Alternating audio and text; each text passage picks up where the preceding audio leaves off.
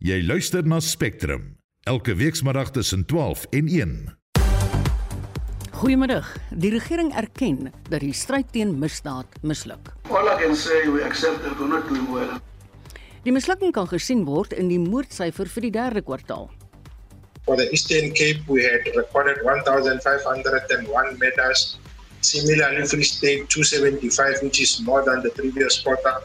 Gauteng 1,721, which is more than the previous quarter. Limpopo 263, which is less than the previous quarter. En die Suid-Afrikaanse vloot demonstreer vandag hoe hy optree teen seerowers. Welkom by Spectrum. Die span is redakteur Justin Kennedy, tegniese regisseur Jady Labeskagni en ek is Marieta Kreer, soos ek sê, welkom.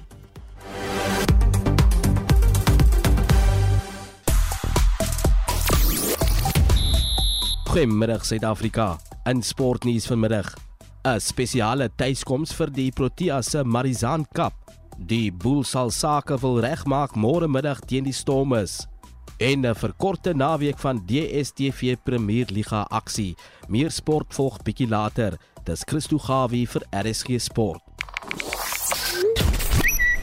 Die Hitsmerk AKA Memorial Service is tans die gewildste gonswoord op Twitter. Onder die Hitsmerk word video's en beeldmateriaal van die kletsruimer geplaas. Huldeblyke stroom in te midde van die kletsruimer se gedenkdiens wat vandag by die Sacred Heart College in Johannesburg plaasvind. Ons brandpunt vraag vir die dag. Volgens die jongste inligting deur Statistiek Suid-Afrika trou al hoe minder mense. Huishoudelike vennootskappe blyk nou uiters gewild te wees. Dis nie uniek aan Suid-Afrika nie, om die waarheid te sê elders in die wêreld verkies al hoe meer jong mense om nie te trou nie en ook nie kinders te hê nie. Wat dink jy van hierdie verskynsel? Sou jy byvoorbeeld verkies het om getrou te wees as jy 'n keuse gehad het al dan nie? Stuur gerus vir ons 'n SMS na 45889 teen R50 per boodskap. Praat saam op ons Facebookblad of jy kan 'n stemnota stuur op WhatsApp.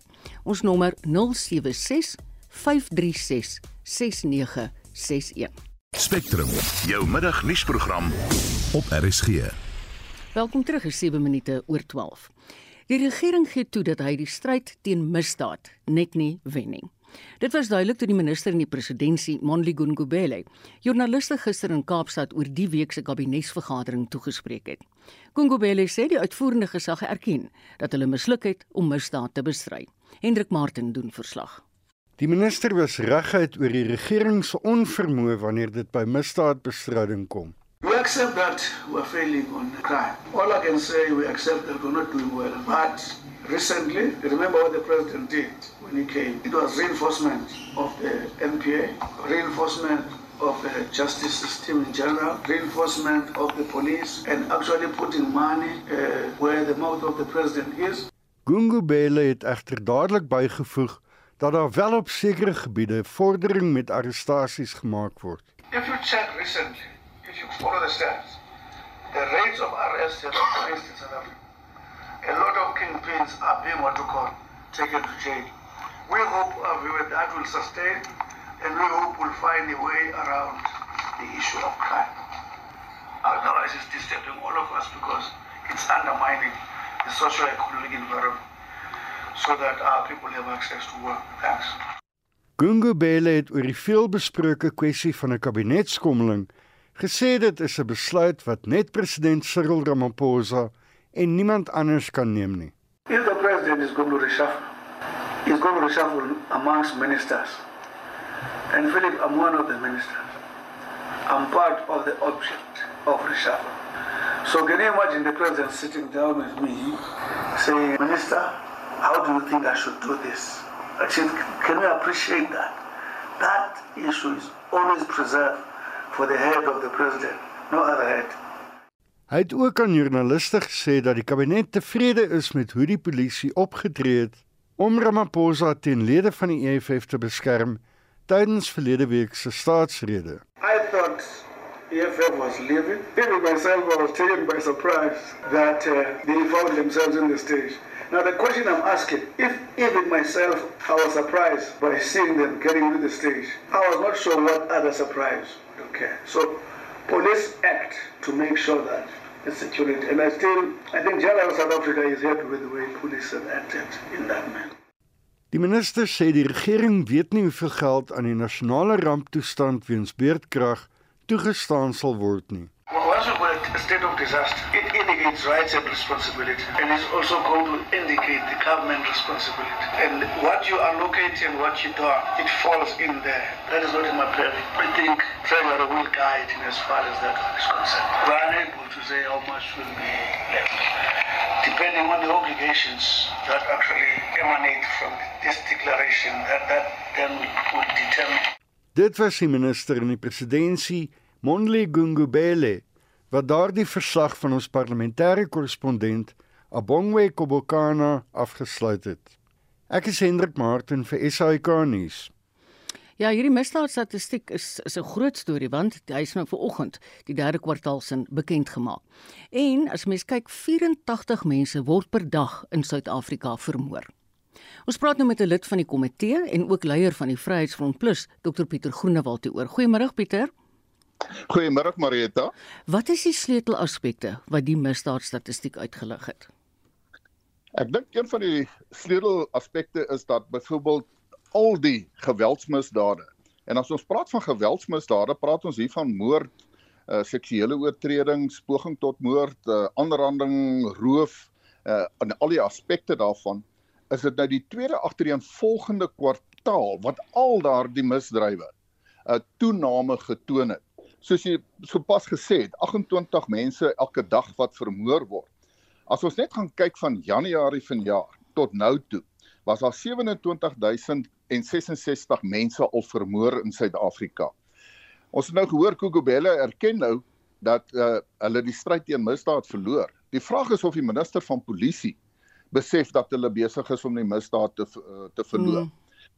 As ons ook kan kyk byvoorbeeld 'n uh, ander aspek is wat baie belangrik is as ons praat van vroue en kinders wat baie kwesbaar is, dan is dit die derde agtereenvolgende kwartaal wat daar ook elke keer 'n toename is in terme van moord uh, op vroue en ook moord op uh, die kinders alhoewel die nuutste statistiek daarom so 'n klein afname het in terme van moord op kinders.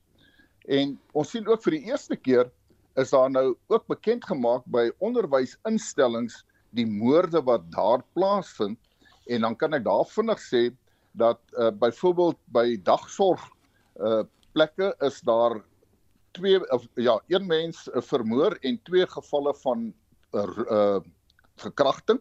Ja. As ons gaan kyk na skole en dit is nogal bietjie kommerwekkend, dan is daar 10 moorde plaasgevind in 'n kwartaal. Ons praat nou hierso van net begin Oktober tot einde Desember. Mm. 10 moorde by skole en 49 verkrachtingsaanvalle. Uh en by tersiêre instellings 1 moord en 3 verkrachtingsaanvalle. So as ons praat van die hoofaspekte, dan moet ons hierna kyk, die geweld, die ernstige geweldsmisdade, vroue aan die kant een kant en dan ook ons tersiêre instellings wat hier inkom en dan kan ons ook gaan kyk byvoorbeeld na massa moorde dit mm. is waar hierdie massa skiet voorvalle mm. plaasvind Dis nogal belangrik.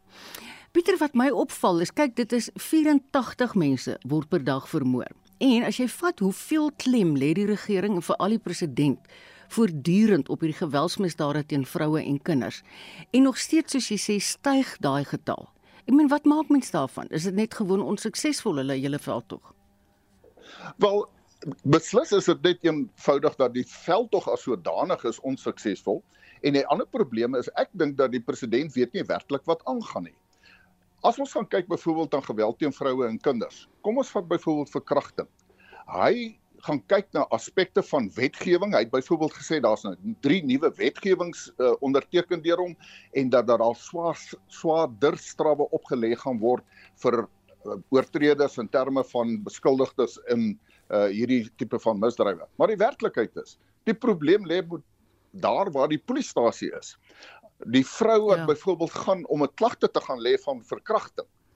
Baie keer word van hulle by die polisiestasie as hulle 'n klag lê, weer daar verkrag.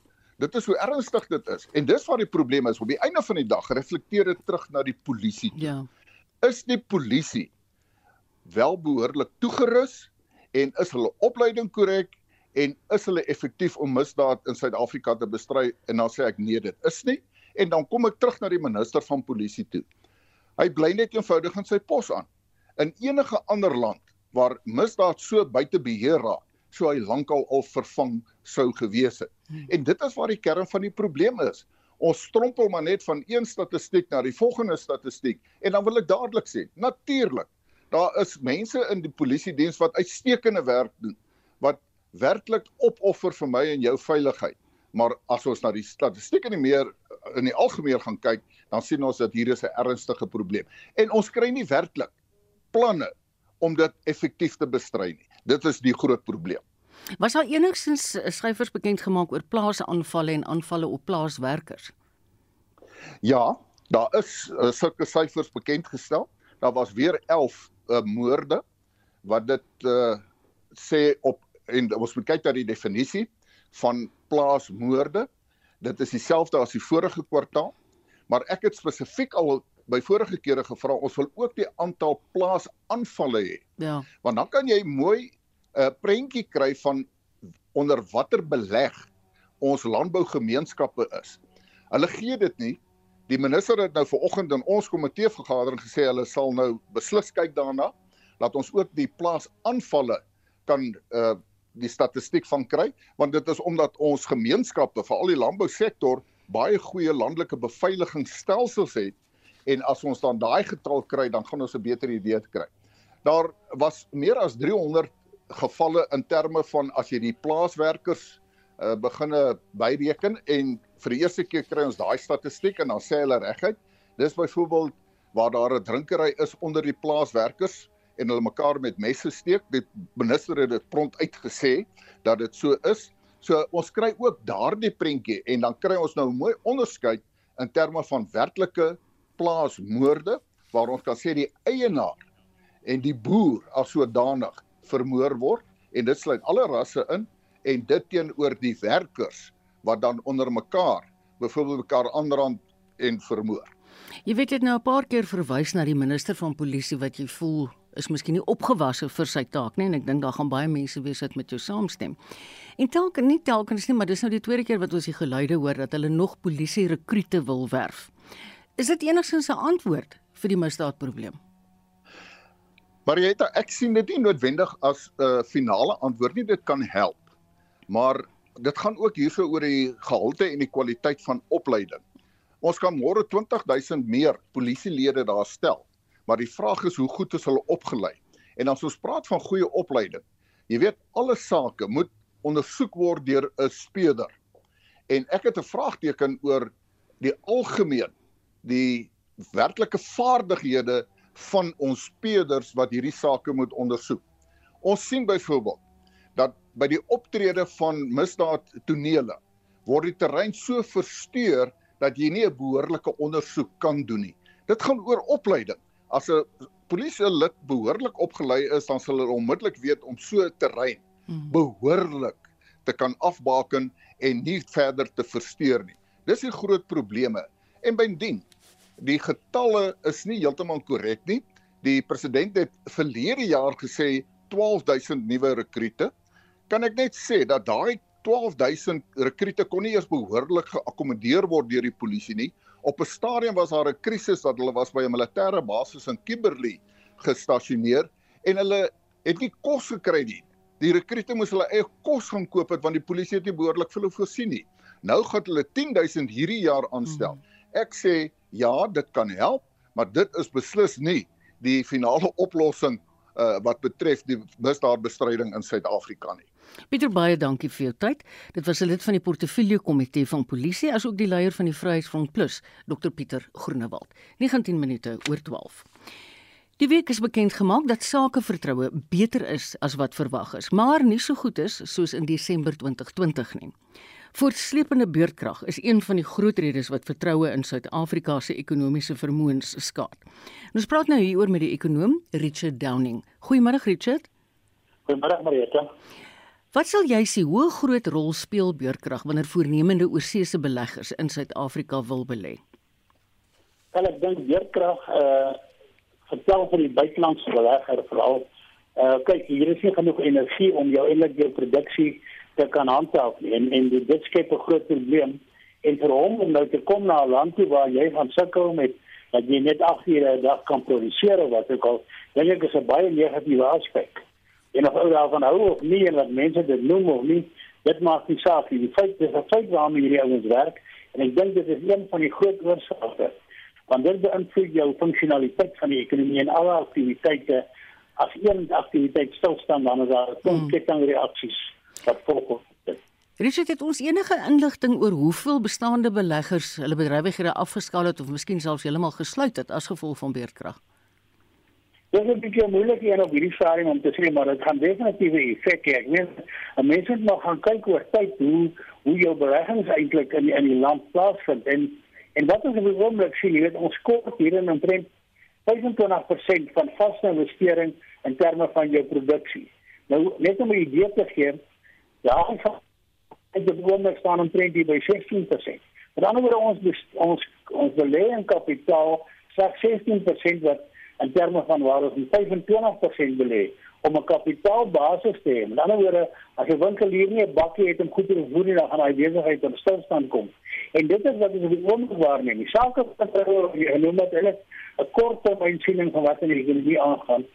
Maar beleggersvertroue is eintlik die kritiese element mm. waarmee ons te doen het. En so jy sê weerkrag gaan 'n groot rol speel by daai tipe besluitneming, maar mense moet ook onthou jou kredietgraderingsagentskappe kyk ook na lande. Jy kompeteer met ander lande in 'n soortgelyke posisie op jou portefeuljegroep vir beleggings. En ek dink nie ons is regtig aan die top top in terme van om beleggings aan te lok van die buiteland af nie.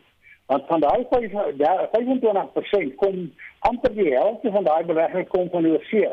En as daai ons vertroue verloor in in in beloftes wat jy maak wat jy nie nakom nie, vyf jaar uitstaande bly en dan weer 'n belofte kom dan ek dink dan raak mense skepties oor waar jy ons op pad is. Ja. En dan bin ons dan dan weer wat skepties. Is, ek dink die feit is ons moet werk aan daai aspekte wat hy skeptisisme veroorsaak. Baie dankie Richard, dit was die ekonom Richard Downing. Ons bly by die ekonomie. Die minister van Finansies, Enoch Godongwana, se begrotingsrede volgende week gaan volgens alle aanduidings 'n moeilike een wees. Die impak einste van beerdkrag wat die ekonomie knou, kan net nie onderskat word nie. Boonop hou lewenskoste net aan om te styg. Om sin te maak van wat die minister kan doen om verligting te bring, al dan nie, sluit 'n belastingkonsultant van die firma Mazars, Tertius Troost, by ons aan. Goeiemôre Tertius. Goeiemiddag Marita. Wat is jou algemene verwagting van die begrotingsrede vanjaar? Gaan ons juig, gaan ons huil?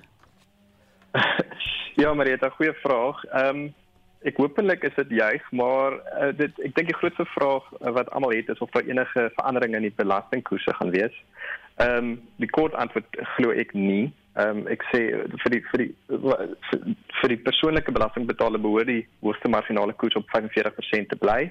Ehm um, die rede daarvoor is indien dit sou opgaan is daar groot kans vir verdere immigrasie en mense wat met hulle hulle voete stem. Mm. En die maatskappy koers glo ek sal ook uit uit verlede jaar uh, is uh, het gedaal na 27% af van 28% af en ek dink dit sal ook dieselfde bly. Ehm um, ek dink nie daar's daar al al vra die industrie al lank dat dit verder ehm um, moet verlaag word.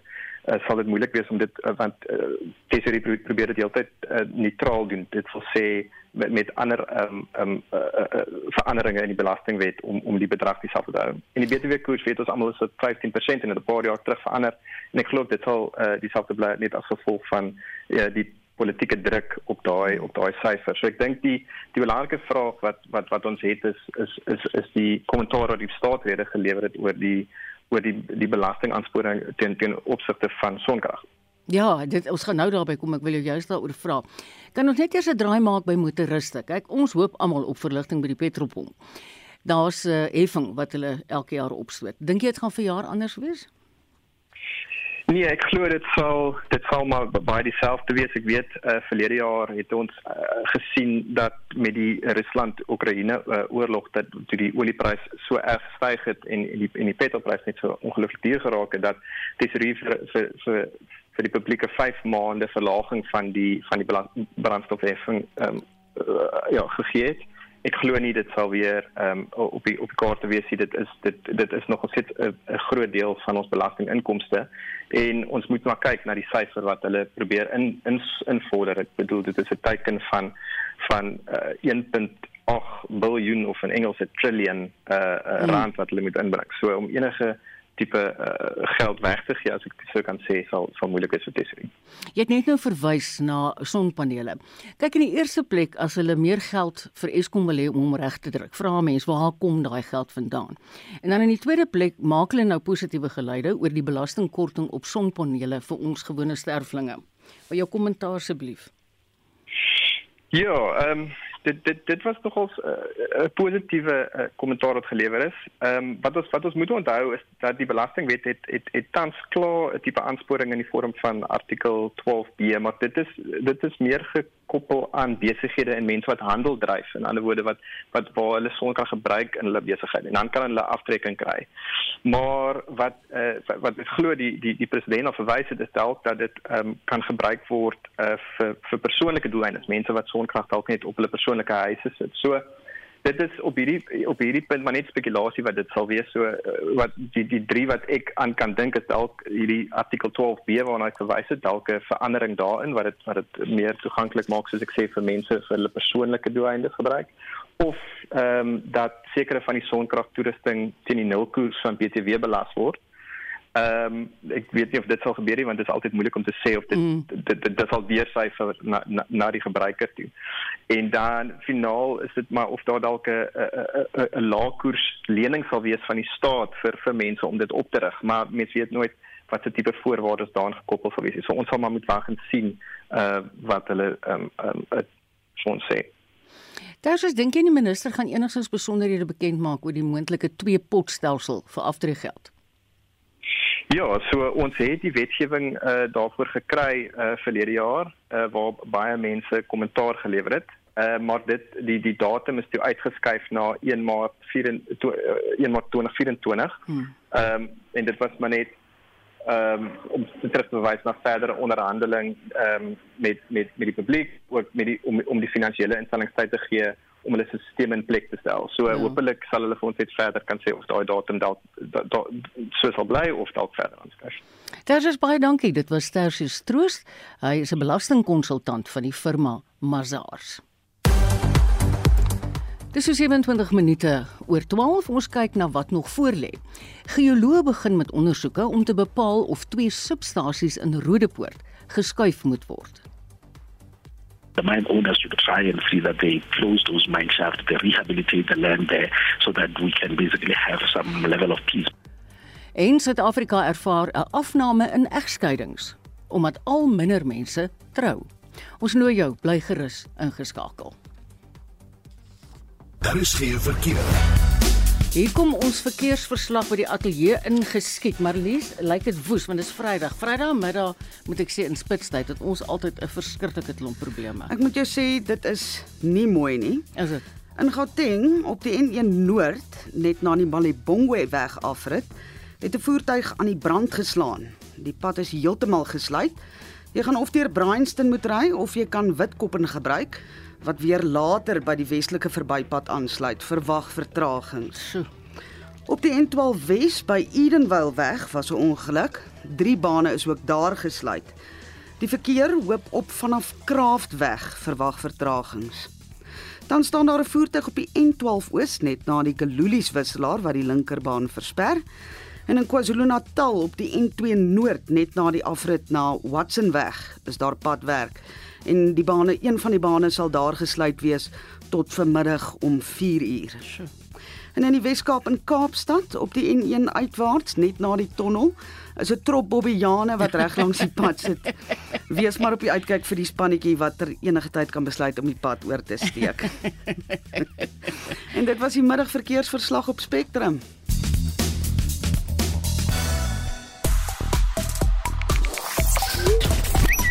Hitsmerk Annelle is net so gewild op sosiale media platforms en daar gons gebruikers oor die dood van die kletsrymer AKA se voormalige vriend Annelle of Nelle Tembe so wat 2 jaar gelede. Sy het van die 19de vloer van 'n bekende hotel in Durban haar doodgeval. Familie en vriende hou steeds vol dat sy nie depressief was of selfmoordneigings gehad het nie. Marita, kom ons kyk 'n bietjie na die terugvoer van ons luisteraars. Ja, asseblief. Volgens die jongste inligting deur Statistiek Suid-Afrika trou al hoe minder mense. Huishoudelike vennootskappe blyk nou uiters gewild te wees. Wat dink jy van die verskynsel? Sou jy so iets verkies het bo die getroude lewe as jy nou die keuse gehad het? Stuur vir ons 'n SMS na 45889 teen R1.50 per boodskap of praat saam op ons Facebookblad of jy kan 'n stemnota stuur op WhatsApp na 0765366961. En Johanna Vel sê Elkeen moet vir hom of haarself besluit wat is die beste vir hulle. Ek was 3 keer gelukkig getroud met 'n dogter uit my eerste huwelik. Ongelukkig is ek ook 3 keer weduwee. Ek weet nie of ek weer 'n huwelik sal oorweeg nie. Op die oomblik nie. Goeie vriendskappe is nou vir my genoeg. Anel Steenkap sê 50 en glad nie van plan om ooit te trou nie. Super gelukkig in langtermynverhouding en sien dit nie by getroudes rondom my nie. Trouwens, vele vroue fluister altyd dat ek die regte ding doen en dan knipoog sy swaalf. en Frikkie Jones, ek en my partner bly al 12 jaar saam. Ons het geen begeerte om te trou nie. Wat se positiewe punte het 'n stuk papier nou wat sê jy is op kontrak?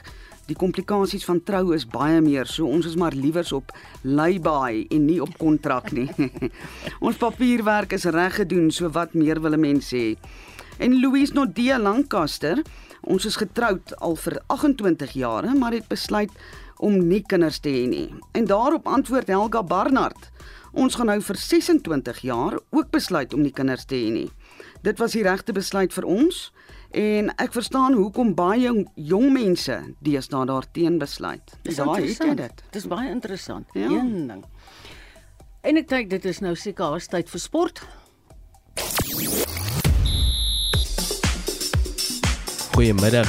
Die veelsidige Protea speler Marizaan Kap sal vir die eerste keer voor haar tuiskare speel wanneer Suid-Afrika môre aand om 7 teen Australië te staan kom in 'n belangrike vroue T20 wêreldbeker wedstryd op St George's Park.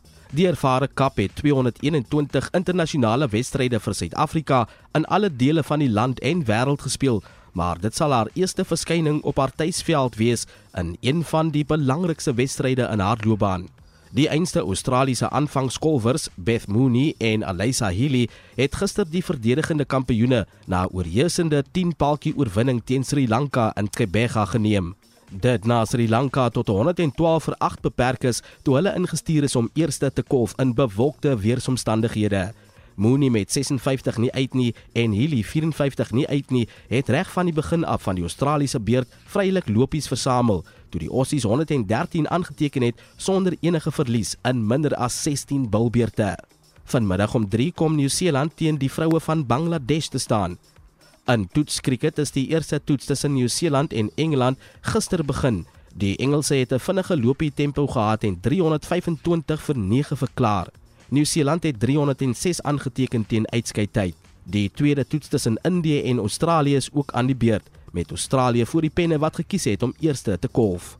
In rugby môre middag net na 5uur is dit 'n kans vir die Bulls om te antwoord op al die kritiek van die afgelope tyd. Al is die Storm se Springbokke nie daar nie, die les wat hulle die Sharks gegee het, maak die Bulls steeds baie paraat vir die manne van Kaapstad. Leinster is steeds heel bo aan die punteleer met 61 punte, gevolg deur die Storm is tweede met 50 punte en Ulster derde met 43 punte. Die Bulls is in vierde plek met 40 punte. Die Lions en die Sharks pak mekaar om 3 môre middag. En 'n verkorte naweek van DStv Premierliga aksie die naweek wanneer Pirates en Chiefs in die wedloop is om tweede plek terwyl die voorloper Sundowns asook Gallants nie in aksie sal wees die naweek nie. Die Buccaneers is die eerste aan die beurt vanaand om 08:30 teen Maritzburg United in die Orlando Stadion. Môre middag om 04:30 kom SuperSport United teen Royal Am te staan terwyl Sekhukhune United en Richards Bay sake om 06:30 uitspook. Sondagmiddag om 06:30 meet Cape Town City en Swallows kragte in die moederstad om die naweek se aksie af te sluit. En Barcelona het gisteraand teruggeveg om 'n gelykop uitslag van 2-1 teen Manchester United te behaal in 'n polsende Europese liga uitklopronde se eerste been. Die La Liga voorlopers Barcelona het eerste toegeslaan 5 minute na rustyd toe Marcos Alonso met 'n kopskoot die agterkant van die net gevind het. Juventus en Nantes het ook gelykop gespeel met 1-1. Dis ons gereelde sportmedewerker wat ons op hoogte hou, Christo Gawie. Kry die kaart wat pryse sny by Pick n Pay met Pampers New of Active Baby doeke of broekies waardepakke vir net R188.99 elk wanneer jy sweep en 2 kg Sunlight Auto waspoeier of 1,5 liter wasmiddel vir net R56.99 elk wanneer jy sweep. Waarvoor wag jy? Skakel oor na Pick n Pay. Geldig 16 tot 19 Februarie terwyl voorraad hou. Besenfees geld. Ons mag dalk verskillende tale en kulture hê, maar wat ons almal in gemeen het, is dat ons 'n waardige begrafnis wil hê, sonder bekommernisse oor waar die geld vandaan gaan kom. Vertrou Clientele om jou van 'n bekostigbare begrafnisdekking te voorsien wat binne 24 uur uitbetaal. SMS RSG na 48714. Dis RSG na 48714. SMS nou. Clientele Life is 'n geregistreerde versekeraar en 'n gelisensieerde verskaffer van finansiële dienste. Bepalings, voorwaardes en standaardtariewe geld. Jy luister na Spectrum. Op RSG. Welkom terug is op die kop 25 minute voor 1. Geotegniese toetse word tans gedoen by twee kragsubstasies in Rodepoort en Robertville aan die Gautengse Wesrand na die grondoppervlak om die substasies gekraak het. Ons praat nou met 'n geoloog van Clarence, Dr Gideon Groenewald hieroor. Goeiemôre Gideon.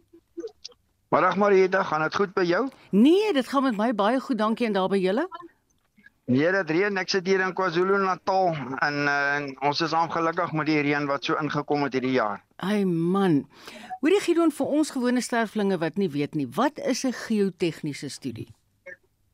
Jong, uh, in kort, dit is mense wat na die grond kyk en mense wat na die klippe kyk en in groot detail uh jy weet uh, studies doen om te bepaal wat is die dravermoë van hierdie medium. So jy gaan kyk of die grond 'n uh, gewig kan dra vir al as jy hom nat maak en jy gaan kyk wat die klippe kan dra vir al as jy hulle nat maak. Dit is die groot ding met hierdie studies. Ons verstaan die hele Johannesburg is vrot van myngate in tonnels. Nou, as hierdie substasies geskuif moet word, hoe sal 'n veilige gebied daarvoor bepaal word? Kyk die die belangrikste van uh waar die goed in Rodepoort se omgewing is is natuurlik mense moet besop vir die ou mynhope. Mm. Daai goeters is baie onstabiele goed as jy hulle begin laai. So uh, dit is maar met die groot reënval wat skielik hierdie jaar, onthou ons reënval gaan die hoogste word in 1200 jaar in die volgende 2 jaar. So Suid-Afrika gaan geweldig nat word in die volgende 2 jaar na my mening. Net soos wat ons nou die droogte gehad het, gaan ons nou die nattigheid kry. En dit maak dat nie iemand wat daai goed beplan het, selfs die mynhope beplan het 100 jaar gelede, het nog ooit hierdie soort reën gesien nie. En dit is dink ek wat nou gebeur is die grond word abnormaal nat en veral wat die ou mynhope was en die mense wat nou die goed moet skuif sal gaan moet soek vir waar daar van die kwartsiete van Johannesburg uit die grond uitsteek om dan hierdie groot ontwikkelinge te skuif weet. Gideon as daar nou reeds slaggate en krake vorm. Kyk slaggate het ons baie kan 'n mens verdere verval enigsins voorkom? Eh, nie nie eintlik eh, kyk 'n slaggat daar's daar's verskillende redes vir slaggate en die die natuurlik die reën is die een uh en in in baie vinnige ingenieurswese maar soos ek sê die ou ontwerpe het nie hierdie nattigheid voorspel nie. 'n uh, Sinkgat, daar's 'n groot verskil tussen 'n sinkgat en 'n slaggat. O ja. 'n Sinkgat in julle omgewing is die klip wat oplos so so suiker, dit is ons noem dit karst topography. Dit is klip wat so suiker oplos en verdwyn en dan val jy in daai gat in. Nou dit is onwaarskynlik dat enige ou dit sou gemis het in die on, in die in die ontwerp van Johannesburg. So ek is nie daaroor bekommerd vir Johannesburg nie. Maar die sinkgate wat jy wil ja, die die slaggate, dit is waar die mynhope uh tonnels gevorm het. Daar byvoorbeeld uh 'n ertvark of 'n of 'n muisond of iets se gat gegrou of die die die die die molle en dan los daai grond nou bietjie op en oor tyd dan word daai gat redelik groot en dan val hy nou maar daar binne, jy weet dan dan sak die dak in. En dit is wat nou dink ek met hierdie skielike uh soort van pothole soos hulle in Engels sê ontstaan op die paaie en oral. Dis die ondergrond wat onstabiel raak hoofsaaklik omdat hy so nat word. Ek dink die hoë reënval is die is die culprit hierso nou. Goed. Ek gaan jou nou nooi om saam met ons almal te luister na City Power se woordvoerder Isaac Mangena. We have been raising this issue many times, been talking to our own JMPD. They have been doing patrols there, but as you can imagine, the Zamazamas are heavily armed. There was even suggestions that the army should actually move in, that the, the mine owners should also try and see that they close those mine shafts, they rehabilitate the land there so that we can basically have some level of peace, but that never happened. Dis die woordvoerder van City Power Isaac Mangena wat by implikasie gesê het nie alle ou skagte wat uitgewerk is word toegemaak deur die mynmaatskappy aan wie dit behoort nie. Maar kan 'n mens die skuld op onwettige mynwerkers pak as hierdie myngate al vir jare bestaan? Nee, uh, Marieta wat hier gebeur wat baie baie interessant is en ek het nou ek lees nou ek ek is gevra om te help in Mosambiek met van die ouens wat met Pittinggraaf myn daar in die, in die rivierbanke. Onthou die mynhope van Johannesburg bevat eintlik nog baie goud want in die ou tyd het die ouens nie die goud alles kon uitgesif kry nie. So daar's baie goud in hierdie ou mynhope. En die mense, die Zamazamas grou soos molle en ek het nou die woord molle gebruik, maar hierdie ouens grou soos molle onder die grond in agter die goud aan en dit maak natuurlik nou gange en tonnels wat nie ou myne is nie. Dis eintlik nuwe goeters by ou myne. So die ou mynskagte is daar, maar hierdie mense is hier op 10, 12, 20 meter onder die grond besig om hierdie goed uit te grou en in in dit is dan as dit die geval is, dan sou ek sê ja, nou ver, verstaan ek nog meer hoekom jy rondom daai stasie dus hierdie krake begine sien want hierdie ouens is hier op 10, 12 meter onder die grond besig om te grawe en dan val die dakke nou maar net in en en dit sal normaalweg maar net gebeur. So dit is nie dis dan vir my nie verbasend dat daar dan nou hierdie grondverskywingkies plaasvind want die die grond 12 13 meter se grond as hy versak dan gaan jy dit op die oppervlak raak raak sien. Ek verstaan nou baie beter Gideon hoekom ons ook so baie in die nuus het van die Zamazamas wat self dood is in van hierdie tonnels want ek verstaan nou soos jy verduidelik het. Ja, kyk die die, die groot ding is uh jy weet die die ouens grou en dan pak hulle planke. Dis maar jy weet die die beste voorbeeld is vir ouens wat stories gelees het oor die soldate in die Tweede Eerste en Tweede Wêreldoorlog wat uit die uh uit die kampe wegvlug en in gate grou om uit te kom tonnels grou. Nou hierdie ouens doen dit ook maar. En in in okay van hulle uh, moet ons onthou is in die werklike ou myne besig. Uh maar, maar baie min van hulle gaan baie diep af.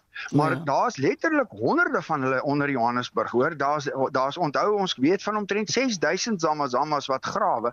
So daar's honderde van hulle wat grawe. En en jy gaan nie weet waar hulle is nie. Hoor ek Krion, jy het my nou baie bekommer. As hulle miskien 'n effek het of hulle is 'n aanleidende oorsaak dat van hierdie substasies krake het en kan inval, wat van ons huise? Wel ek ek dink die die kanse dat hulle onder die onder die woonhuise gaan ingaan in in gewone, jy weet jou jou jou Rotepoort omgewing, dan moet jy op die ou kaarte gaan kyk, staan jou huis dalk op 'n ou mynhoop, dan is die kanse daar. Maar as dit nie op ou mynhoope is nie, dan is die kanse baie baie klein dat hulle onder die huise inbeweeg. Ek dink ons informele nedersettings wat uit Johannesburg uitgegroei het oor al die jare, kan wel in so 'n gebied ingeloop het en dan sal hierdie tonnels onder onder die informele huise inwees, maar nie noodwendig in die formele behuising waar die waar die geologie en die goed voor die tyd bespreek was en in uitgewerk is. Baie dankie vir jou insig. Dit was Dr. Gideon Groenewald, hy's 'n geoloog van Clarence. Die vloot hou vandag as deel van gewapende magte dag demonstrasies oor operasies wat op seerowers gemik is. Dit vind plaas in Richards Bay in KwaZulu-Natal en is wel oop vir die publiek.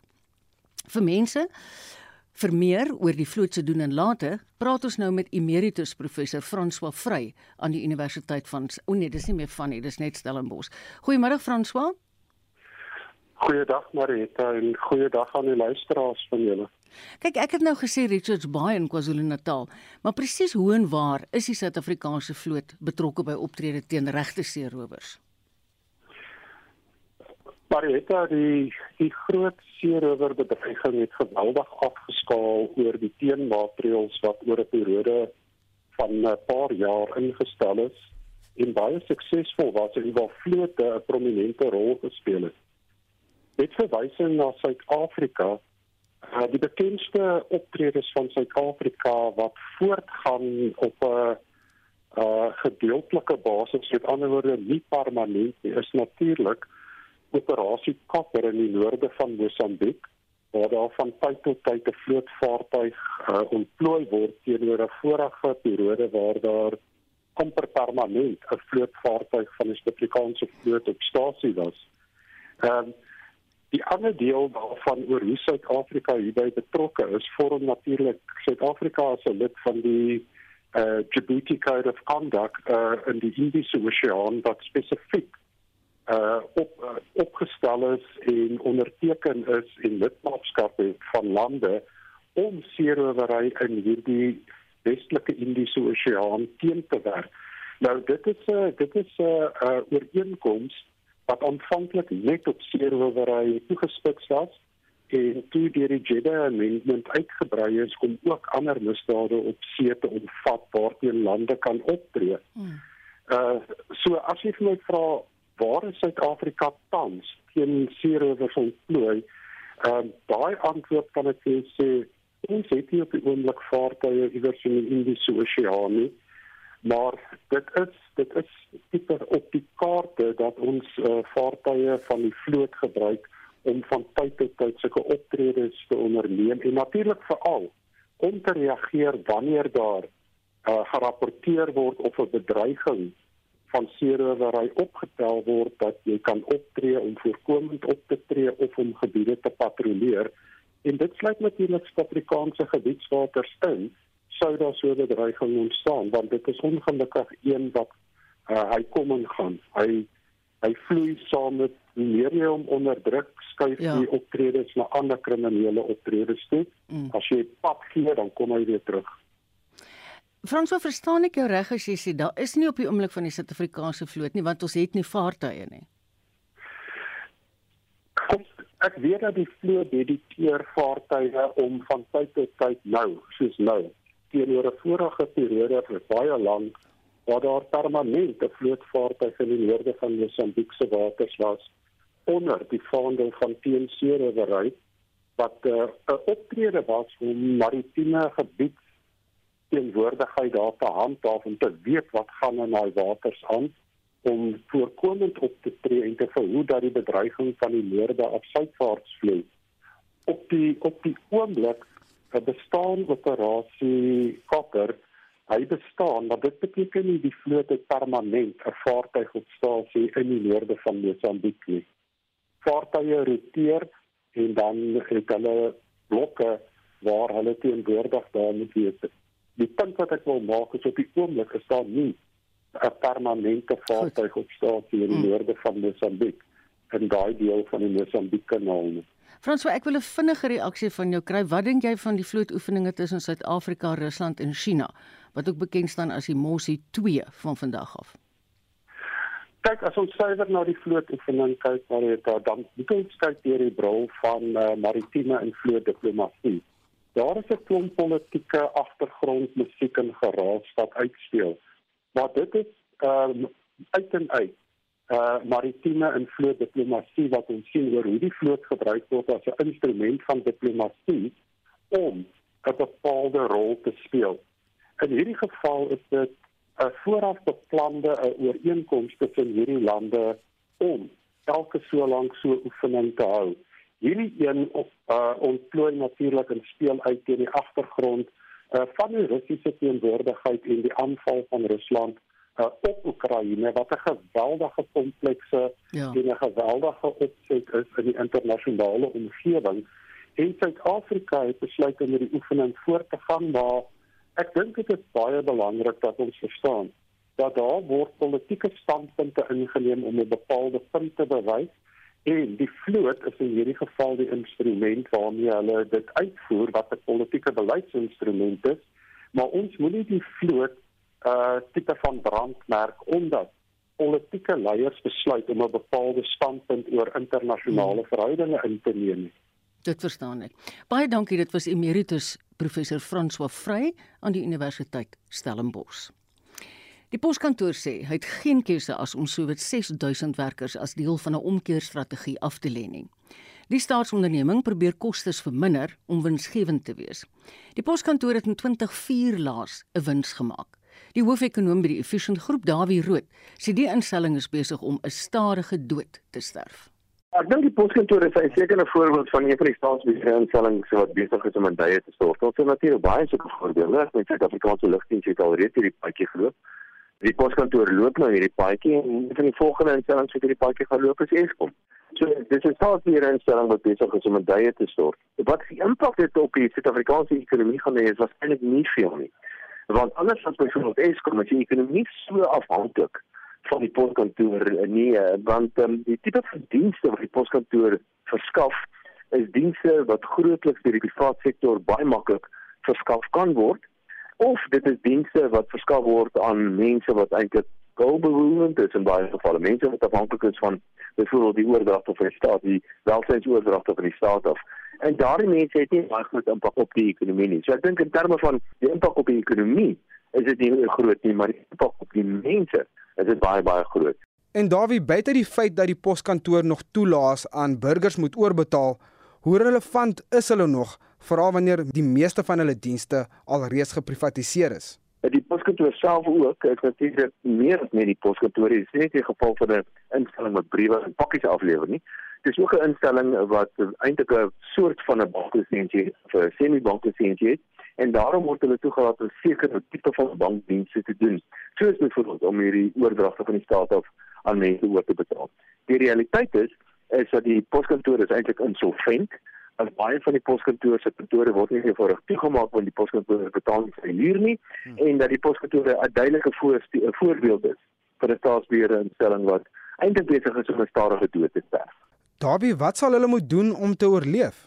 Ja, wat hulle moet doen om te oorleef is 'n baie moeilike vraag want ek dink die werklike probleem in Suid-Afrika wanneer dit kom by staatsbeheerde instellings gaan nie noodwendig oor die spesifieke staatsbeheerde instelling nie. Ons weet wat om te doen om Eskom byvoorbeeld te red ons weet wat ons doen met poskantoor te red. Ongelukkig is dit so dat hierdie tipe van besluite om hierdie goed te red is polities baie moeilik om te implementeer. In die geval van die poskantoor, lyk dit vir my daar word nou wel besluit om een van daai moeilike politieke besluite te implementeer en dit is om 'n hele klomp mense wat tans by die poskantoor werk van ontslae te raak. Daar word nou gesê dat sies duisend mense moontlik hulle werke gaan verloor by die poskantoor en dit is eintlik onvermydelik. Is dat as jy die poskantoor wil regkry finansiëel, dan moet jy 'n klomp mense laat gaan en jy moet die dinge herstruktureer en jy moet besluit wat is daardie tipe van dienste wat jy wil verrig en wat jy kan verrig ten einde die ding finansiëel te kan red. Anders gaan die poskantoor dieselfde pad loop as wat die Suid-Afrikaanse lugdiens alreeds geloop het. So as die antwoord om die ding finansiëel te red is om die ding te herstruktureer en te besluit watter een van daai dienste dit is wat die werkers nodig het om te lewer en wat die belastingbetaler bereid is om te subsidieer in gevalle waar dit nodig is om dit te doen. Dawie, is dit 'n slim plan om die poskantoor dan as 'n staatsbank te stig? Ongelukkig is dit ook so dat die poskantoor of ten minste deel van die poskantoor wil nou 'n volledige banklisensie hê soos wat die president gesê het in die staatsrede en dit is baie duidelik dat dit nie 'n baie slim plan is nie. Voordat ons nie die poskantoor self eers behoorlik finansiëel geherstruktureer het nie, dink ek hierdie droom om 'n staatsbank tot stand te bring uh, moet net 'n droom bly. Dit is duidelik dat ons moet eers die poskantoor regmaak voordat ons kan begin praat van 'n staatsbank wat daar in sy poskantoor gehuisves kan word. Dit was die hoofekonoom van die Efficient Groep, Dawie Rood in gesprek met Vincent Mofokeng. Vandag se sake nuus word aangebied deur Kobus Huiselman, 'n portefeuljebestuurder by Sanlam Private Welvaart in George. Hallo Kobus. Goeiemôre Marietta. Die JSE is vandag 'n half persent laer met die algemene indeks tans 79824 met beleggers wat voortgaan om die impak van hoë inflasie en produksiedata van eh, Amerika te evalueer. Europa is 'n see van rooi met die FTSE 100 0,17% laer en die DAX 0,73% laer. Amerikaanse termynmarkte verhandel ook meestal laer. Omset vir die dag staan op 7 miljard rand. Kyk ons na die SIP indekse, die finansiële indeks is 1,1% hoër, die nywerheidsindeks is 1,4% laer en die hulpbronne indeks is 0,13% laer. 'n Maatskappy nuus het Absa handelsopdatering vir die jaar geëindig 31 Desember 2022 uitgereik waarin hulle verwag dat groepinkomste vir 2022 tussen 10 en 20% sal toeneem. Absa verhandel 2% hoër teen R194.17. Onder die wenners staan Kumba Iron Ore ook uit wat 3.34% hoër verhandel teen R549.16. Vandag se verloders, Naspers verhandel 3.12% laer teen R3367.54. Sasol verhandel 2.28% laer teen R298.63. Wisselkoerse, die rand verhandel ook uh, meestal laer of swakker teen die vernaamste wisselkoerse en is R18.25 teenoor die Amerikaanse dollar, R19.42 teenoor die euro en R21.80 teenoor die Britse pond. Eindig ons met hulpbronne. Die goudprys verhandel teen 1832 per fyn ons, platinumprys 920 dollar per fyn ons en Brent ruolie 83 dollar en 25 sent per vaatjie. daarmee dan vandag se sake nuus. Dankie Kobus, dis Kobus Huysam in portefeulje bestuurder by Sanlam Private Welvaart in George. Nuus wat sopas ingekom het is dat die N1 Suid en Noord tussen Malibongwe en nou moet ek baie mooi dink. Rivonia. Toegemaak is 'n uh, brandstoftankwa het ontplof. Noord en Suid is toegemaak. Kry asseblief alternatiewe roetes. Volgens die jongste inligting deur Statistiek Suid-Afrika, trou al minder mense. Meeste mense verkies om in 'n huishoudelike verhouding te verkeer. Dis 'n vennootskap waar die lewenskoste deur albei partye gedek word sonder dat die huwelik se vangnet daar is. Maar volgens die organisasie National Debt Advisors se bemarkingsbestuurder, Grant Phoenix Heyman, is daar 'n paar slaggate in die ooreenkoms waarvoor mense versigtig moet wees. Om nie 'n wetlike huishoudelike vennootskap uh, te wees nie, loop jy die risiko om in finansiële moeilikheid te beland wat gesamentlik bestuur van bates en laste insluit, sowel as besparing en verdeling van fondse vir aftrede. So dis ook algemeen vir paartjies wat saam bly om gesamentlik skuld uit te neem en ooreenkomste aan te gaan om te verseker dat albei partye ewe finansiële bydrae lewe tot die skuldbetalings. Dit beskerm albei tydens en na die verhouding indien dit tot 'n einde sou kom dat elkeen 50% van skuldbetalings dek. Som af te sluit met daai vraag, die impak wat finansiële stres kan hê op 'n romantiese verhouding is ongelooflik. Terwyl dit soms moeilik is om finansies met 'n vennoot te bespreek, is dit wel nodig vir 'n gesonde verhouding om ernstig te kyk na hoe finansies gehanteer word. Dit is juist hoekom dit verskriklik belangrik is om duidelike en regverdige huishoudelike vennootskapooreenkomste op te stel.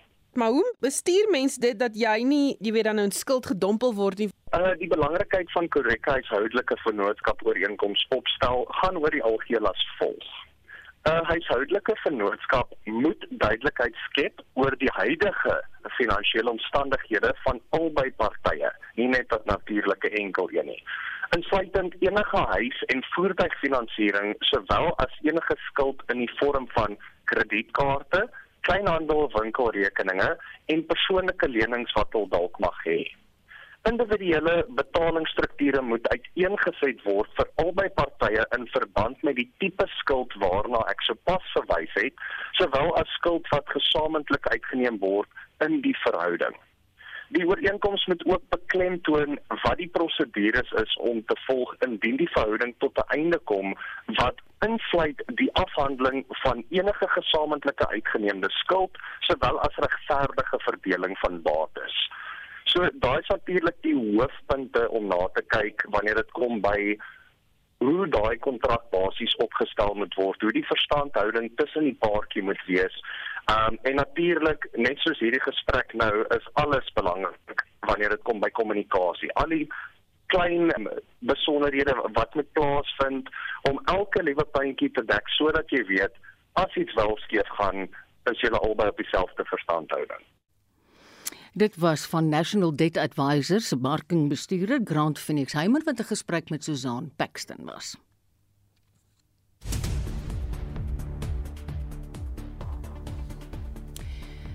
Is ek as ek reg is ek sê Annelien in 'n baie ongekende stap het die regering erken dat hy klaaglik misluk het in die stryd teen misdaad. Ja, Marietta, dit is skaars dat die regering prompt uit sy tekortkominge erken, maar sê die minister in die presidentskap Mondli Gungubele, daar is vordering en die land hoef nie in sak en as te sit nie. Dan die jongste misdaadstatistiek toon dat 84 mense per dag in Suid-Afrika vermoor word. 'n Lid van die portefeulje komitee van polisie en die leier van die Vryheidsfront Plus, Dr Pieter Groenewald, het so gereageer. Ek dink een van die sleutelaspekte is dat byvoorbeeld al die geweldsmisdade. En as ons praat van geweldsmisdade, praat ons hier van moord, uh seksuele oortredings, poging tot moord, uh aanranding, roof, is dit nou die tweede agtereenvolgende kwartaal wat al daardie misdrywe 'n uh, toename getoon het. En dit was Dr Pieter Groenewald van die Vryheidsfront Plus. Namens ons hele redaksiespan hierso, dit is Justin Kennedy, produksieregisseur JD Labeskagni en die ander van ons. 'n Lekker middag in die geselskap van RC en dankie vir jou oor die laaste uur.